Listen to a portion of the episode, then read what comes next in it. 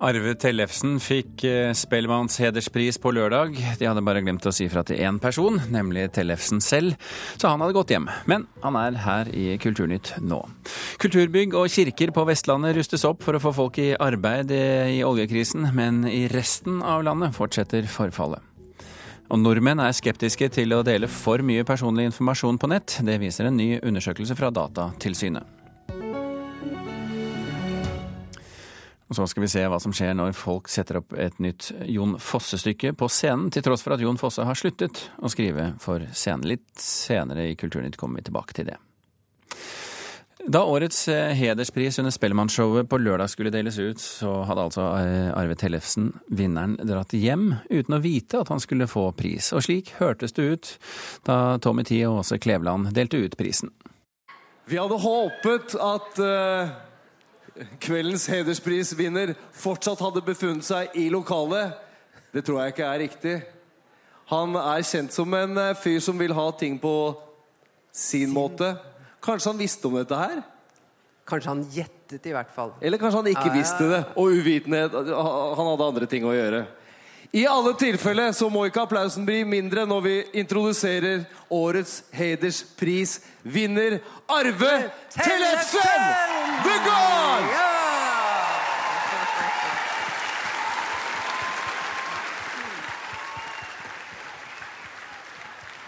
Arve Tellefsen var ikke på Spellemannprisen, men her i studio hos meg. Arve Tellefsen, gratulerer med hederspris og velkommen til Kulturnytt. Tusen takk. det er kanskje litt absurd å sitte her og ja. motta prisen litt sånn i overført betydning? Ja, men det var hyggelig å få den omsider, da. hva, hva, hva, syns du Altså, jeg skal stille et spørsmål først, forresten. Ja. Når fikk du vite at du var årets, eh, fikk, fikk årets hederspris? Eh, jeg skjønte utpå natta. Eh, da hadde jeg lagt meg for lengst. da. For uh, grunnen til at jeg gikk, det, det var ikke noe sånn protest mot Spellemannprisen. Det var rett og slett at jeg følte ikke at jeg hadde noe særlig der å gjøre. da. Jeg var ikke klar over at jeg skulle ha noen pris. Og så skulle jeg ha konsert på Holocaust-senteret søndag formiddag. Og følte at jeg kanskje da heller burde dra hjem og forberede meg til den konserten. Så, så det, var ikke, det, var ikke en, det, var ikke å se frem til en lang eh, natt på byen, for å si det sånn? Nei da. Så jeg gikk hjem og, og la meg, og, og, så begynte jo telefonen å ringe, da. Mm. Og da, da, da, da skjønte jeg vel kanskje at det var noe galt, så jeg hørte på svareren. Hva tenkte du da? Nei, altså det, det, Jeg, jeg syns det var hyggelig å få den prisen. Eh, det syns jeg var en uh, oppmuntring, uh, det, da. Men jeg kunne ikke begynne å kle på meg og kaste meg i drosje og sånt. Og det var jo over allikevel, da, på det tidspunktet når jeg oppdaga det. Så vi, vi, har en mann i studio her Arve Tellefsen, som heter Larry Bringsjord. Han skal være med i en debatt etterpå om Spellemannshowet. Men når vi nå først har det her, Larry. Du sitter altså i styret i, i, i Spellemannkomiteen. Hva, hva, hva, tenker du om situasjonen? Nei, først må jeg få lov å gratulere Arve eh, med prisen. Det var fantastisk. Og så må jeg også på vegne av Spellemann få beklage at eh, du ikke eh, fikk beskjed. At vi ikke fulgte helt med, vi som arrangerte det. Eh, det skulle selvfølgelig være en hemmelighet og en overraskelse. Mm. Men det ble jo eh, litt for hemmelig og litt for overraskende for mange. ja, det akkurat det. Så. Ja. Ok, eh, Arve Tellefsen, vi skal ikke bore noe mer i, i, dette. For du har jo tross alt fått en pris. Ja, og det er altså en, en gjeng blant det ypperste i norsk musikkbransje som mener at du bør hedres. Um, og, og, hva tenker du om at du nå er i denne relativt um, eh, distinguished-kategorien? Nei, det er veldig smigrende. Det, jeg vet jo det at den prisen henger jo veldig høyt. Så jeg er veldig smigret og har fått gratulasjoner fra mine venner og kolleger innenfor klassisk musikk, som, som syns at det er også en Eh, heder til klassisk musikk at eh, en av oss da får en sånn eh, høythengende pris i et show som stort sett er beregna på et atskillig mer pop, mer populærmusikk, da. Din karriere snakker jo for seg selv, Arve Tellefsen. Du er fullt aktiv selv om du har passert 80, og, og, og, det er ikke noe grunn til å spørre om hvorfor du fikk den. Men hva, hva tror du egentlig er grunnen til at du fikk den? Jeg liker å spørre likevel. Ja, det var antagelig en bursdagspresang. det er nærliggende å tro det. Men jeg har holdt på et langt liv, og, og og så har jeg kanskje i motsetning til mange av skal vi kalle det klassiske musikere, bevega meg på dyptvann og spilt sammen med selvfølgelig jazzmusikere og popmusikere og alle slags uh, sjangre. Og uh, jeg var vel en av de første som våga å bevege meg litt ut fra klassisk musikk og ta kontakt med med andre musikksjangre. Sånn du har jo fått, jo, når, jeg var, når jeg var ung, så var det jo veldig mur, mura. For det er jo så populært å snakke om mur for tida.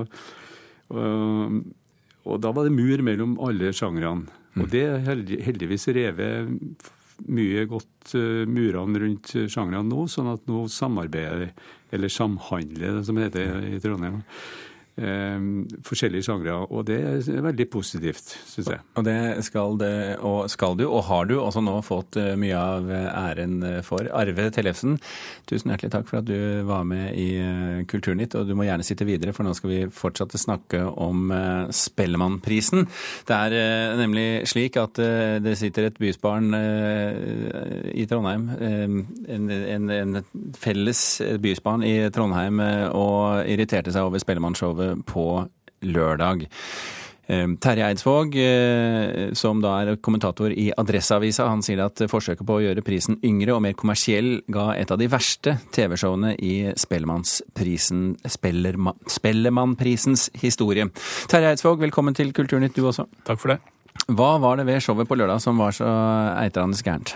Det ble en eh, uheldig kombinasjon av eh, mislykka grep, eh, uflaks, det skal også sies, og for dårlig regi, som til sammen gikk ned i en lavere enhet. Men du sier at dette er et forsøk på å gjøre prisen yngre og mer kommersiell. Var det det som var problemet? Eh, ikke bare det. Og det går an å forstå beveggrunnene for at prisen også tilpasser seg ny teknologi og utviklinga i norsk musikk. men sånn som den hovedtimen eh, ble, eh, hvor, hvor eh, prisen og showet, som jeg kanskje snakker mest om, mislyktes i forhold til at mange av de den hadde valgt å hedre, ikke møtte opp.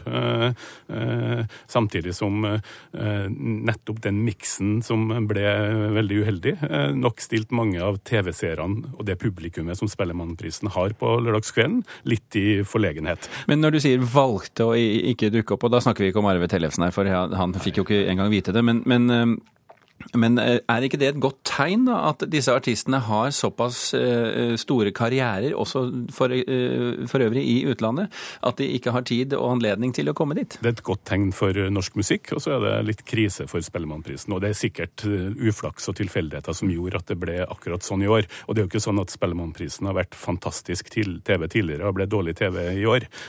Sånn at det er jo, det er jo nyanser i det bildet her. Men det, no, det må gå an å fornye prisen uten å gjør det meste av veteraner, spydspisser og kontinuitetsbærere i norsk musikk til statister. Og det var noe av det som ble den litt uheldige følgen av eh, den miksen som ble presentert på lørdag.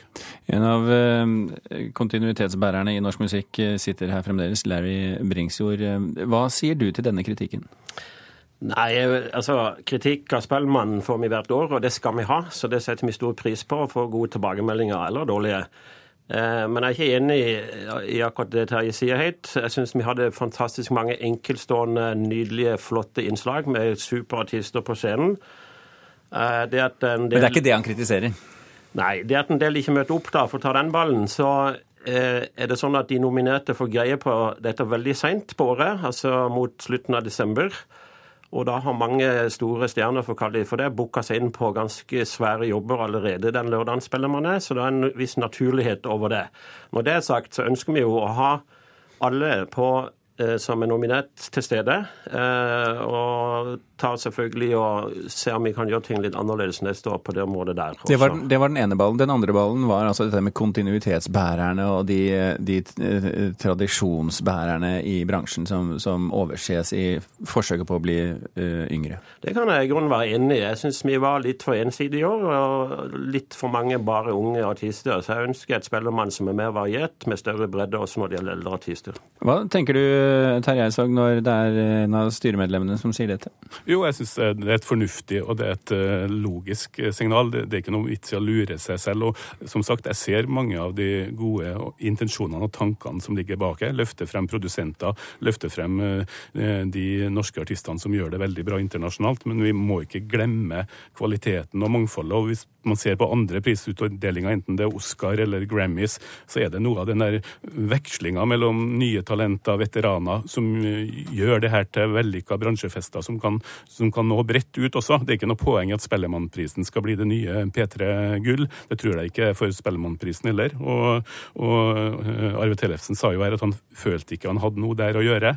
Og det, det, skjønner jeg veldig godt. For selv hvis han hadde vært der og tatt imot prisen, så ville det vært eh, gjort TV-showet selvfølgelig bedre, men det ville også vært et lite fremmedelement, sånn som den direktesendinga var lagt opp, dessverre. Men, men Eidsvåg, tenker du eh, Trekker du tanken så langt at du tror at Spellemann ikke betyr noe for eh, den oppvoksende slekt av artister i Norge? Nei, jeg tror, det, jeg tror det, betyr noe. Det den, den, den har et merkenavn, men den har en kjempeutfordring. Jeg tror Det var vel 26 priser som ble delt ut på lørdag, og alle skjønner at uh, man kan ikke dele ut uh, 26 priser i et direktesendt uh, TV-show.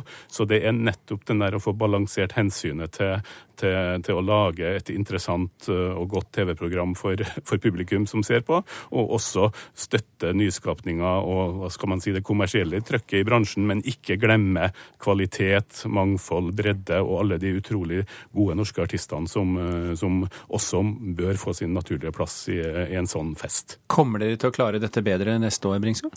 Jeg har jobba i Spellemann i mange år, og vi forandrer oss eh, stadig vekk. Eh, og kommer til å gjøre det atter en gang. Så vi tar med oss de gode kommentarene fra Terje og andre som vi har sett i dag, videre i vårt arbeid. Og når det gjelder eh, neste års hederspris, hvis den blir delt ut til eh, neste år, for det er jo ikke hvert år nødvendigvis, mm.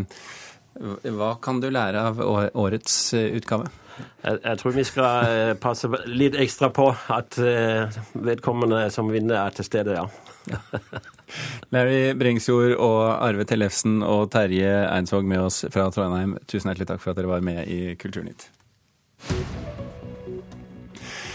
Klokken har passert 16 eh, minutter over åtte der. Du hører på Kulturnytt, og dette er toppsakene i Nyhetsmorgen. Seks mennesker er drept og åtte såret etter et terrorangrep mot en moské i Canada i natt.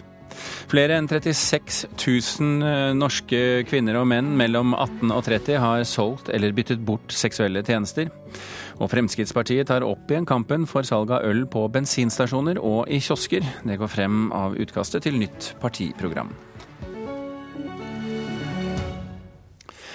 Kulturhistoriske bygninger, museer, teater og kirker på Vestlandet rustes nå opp for 233 millioner kroner. Pengene til vedlikehold kommer fra regjeringens tiltakspakker for å få folk i arbeid der hvor oljekrisen har rammet hardest. Bra, men det når ikke langt, og i resten av landet fortsetter forfallet. Nå holder vi på å bygge eh, grue inni her. Hektisk aktivitet på museumsgården Auamatland i Hå, der Jærmuseet svir av 4,7 millioner kroner fra regjeringens tiltakspakke for å få flere i arbeid på Vestlandet. Men vi skal ha bygninger som er vitnesbyrd om hvordan folk bygde og bodde før i tida. Og, og det krever ganske mye å, å sette sånne bygninger, og holde sånne bygninger ved like. Sier avdelingsdirektør Hans Dybad Olesen ved Jærmuseet.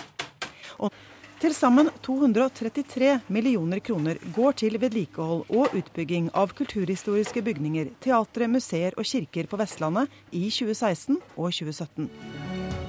Våtere og varmere klima truer kulturhistoriske bygninger i Norge. NRK fortalte nylig hvordan halvparten av de 5000 kulturhistoriske bygningene som norske museer eier, trenger vedlikehold, og at forfallet øker i takt med klimaendringene. Her ser vi jo da tydelig hvordan det har råtna. Men nå er det altså bare Vestlandet som rustes opp. Jeg tenker at eh, det finnes et veldig tydelig behov også i andre deler av landet.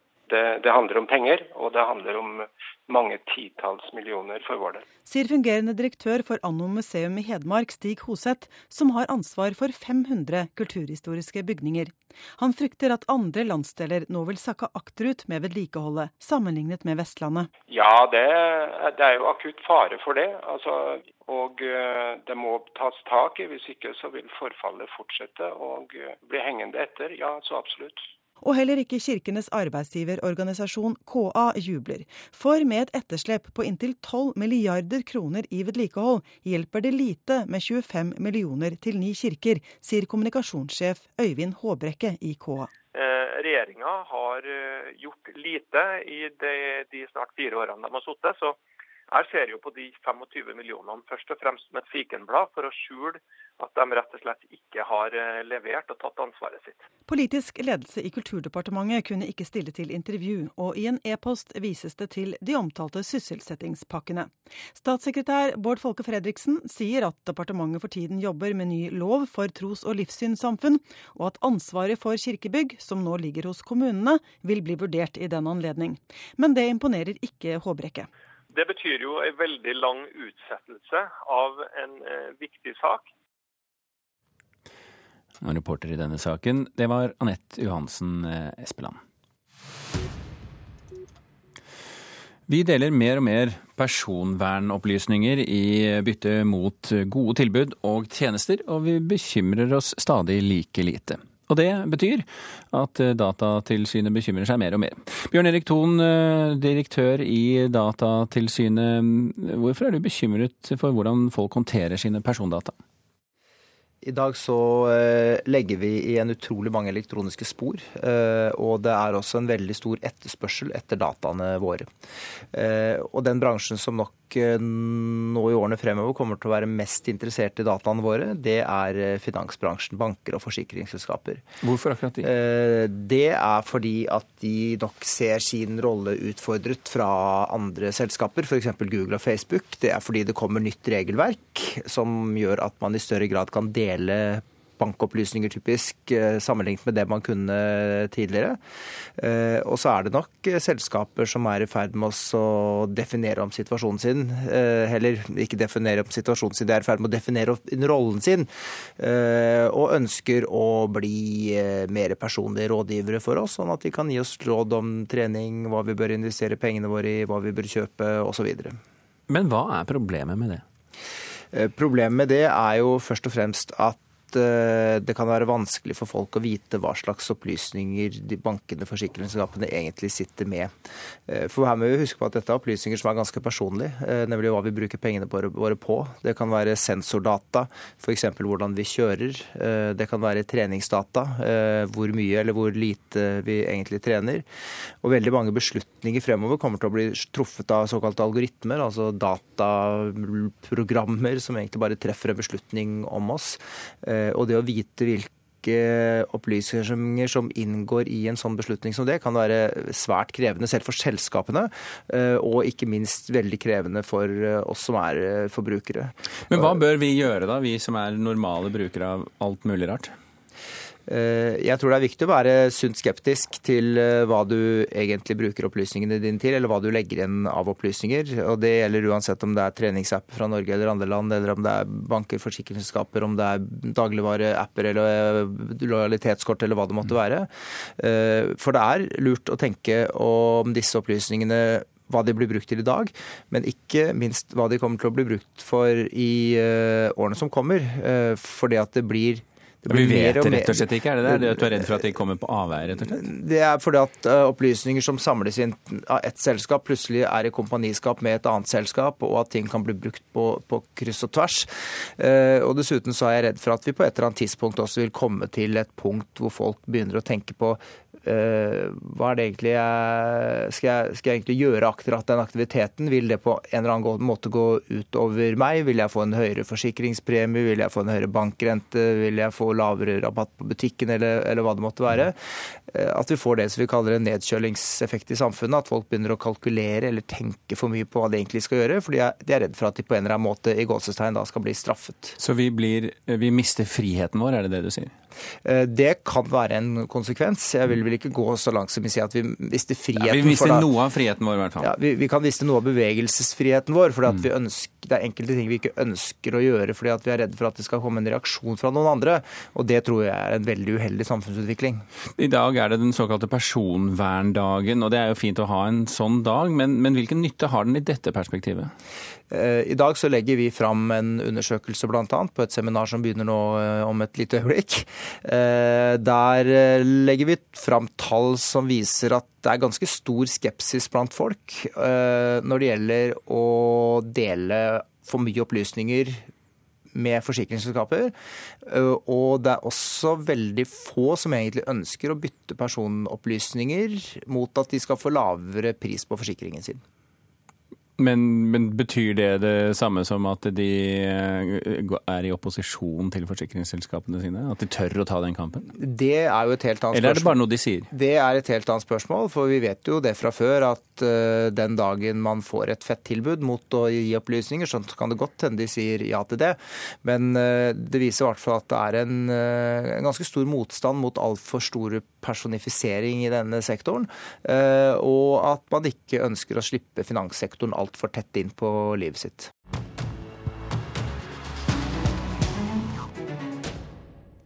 Jon Fosse, Norges eh, viktigste moderne teatereksport, som spilles over store deler av verden, han har som kjent sluttet å skrive for scenen. Men fortvil ikke, for han skriver jo fremdeles romaner, og så lenge noe er skrevet, så kan det jo skrives om til scenebruk. Og det er jo nettopp det som har skjedd på Det Norske Teatret nå, teaterkritiker Karen Frøsland Nystøyl. Mm, det stemmer, det. Ja.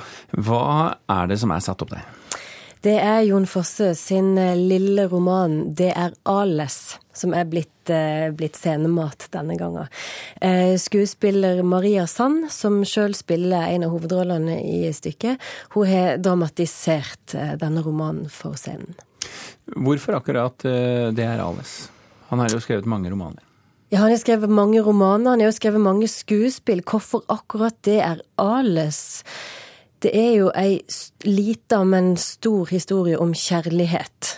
Eh, havet, døden, Fosse sine, det som Fosse virkelig, virkelig kan. Samtidig så har Fosse òg skrevet et skuespill som er ganske likt det er Ales, i hvert fall i motivbruk. Det heter En sommers dag, og der òg står det ei dame og venter, Hun står omtrent i vinduet på samme plassen og venter på den mannen som hun da mista på sjøen for eh, et titall, 10-20 år siden. Så, er det noe Ibsensk over dette? Ja, det kan du godt si. Men, eh, men den der um, tilstanden av lengsel og venting, den kjenner vi veldig godt ifra Jon Fosse. Vi kan jo høre litt fra dette stykket. Du er nesten alltid der ute på sjøen. Aldri hjemme. Nesten aldri. Men det er jo ikke så mye annet å finne på her enn å dra ut på fjorden. Du er nesten mer der ute på sjøen enn du er her hjemme.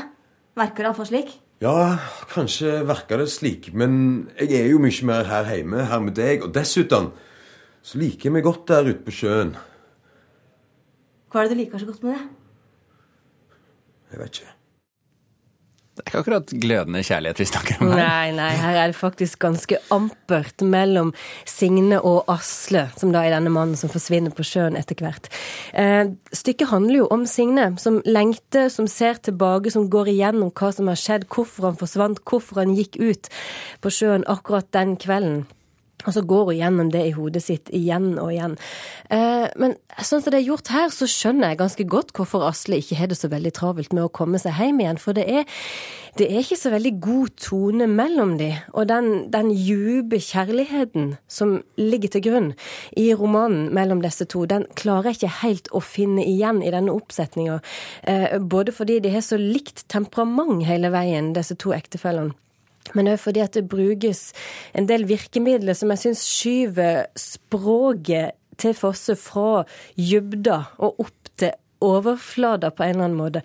Samtidig så tar de en del friske grep i denne oppsetninga som jeg tenker Fosse-tradisjonen virkelig, virkelig trenger. For eksempel? For eksempel eh, så syns jeg nå sa at, eh, at språket ble overfladisk nettopp, men jeg syns de bruker den Altså Fosse bruker jo et repeterende språk. Ting blir sagt igjen og igjen. Og på scenen så har de, eh, sitter skuespillerne med hver sin mikrofon, og av og til så leser de inn noen replikker, og så lar de dem gå i loop. Og det er et fantastisk grep der det brukes i forestillinger. For det, det gir noe til denne rytmen til Jon Fosse som jeg virkelig syns løfter dette stykket opp. Eh, I tillegg så er de liksom frekke nok til å sette opp neonskilt med himmelen, fjorden, fjellet og heime, og la det blinke og lyse. Og det er jo, tenker jeg, sånne forfriskende grep. Litt risting, litt vridning, litt eh, respektdemping. Det mm. trenger vi når det gjelder Jon Fosse. Men, men det er det rent eh, scenetekniske. Hva med forsøket på å iscenesette en Jon Fosse-roman som sådan? Altså, Du mister den store slektsfortellinga, du mister den dype kjærligheten. Og det handler litt om eh, valg av virkemidler. Når de velger å plassere ei tredemølle på scenen, og de går på den når de skal springe eller leite etter noen, så blir det faktisk egentlig bare, bare rart, syns jeg. Det, det, det, stopper litt opp for meg. Det savnet som er i forestillinga, eller som er i boka, i forelegget, det syns jeg eh, vi mister i virkemiddelbruken. En stor vifte og dusjflaske skal være regn og storm, og det gir seg liksom aldri. Det kommer stadig nye virkemidler, og det, det har ikke denne romanen så veldig godt av. Ikke helt vellykket, med andre ord? Nei, ikke på det planet. Det, det er det faktisk ikke. Mm. Men noe sånn fosse, fosse Hva skal jeg si variante. det er veldig fint at de har med. Så litt både òg. Eh, Jon Fosses eh, 'Det er alles' eh, må på Det Norske Teatret. Kulturnytt er slutt. Eh, Karen Frøsland Nystøl, takk for at du var med. Thomas Alvarstein Ove, Birger Kåser Aasund, takker for følget.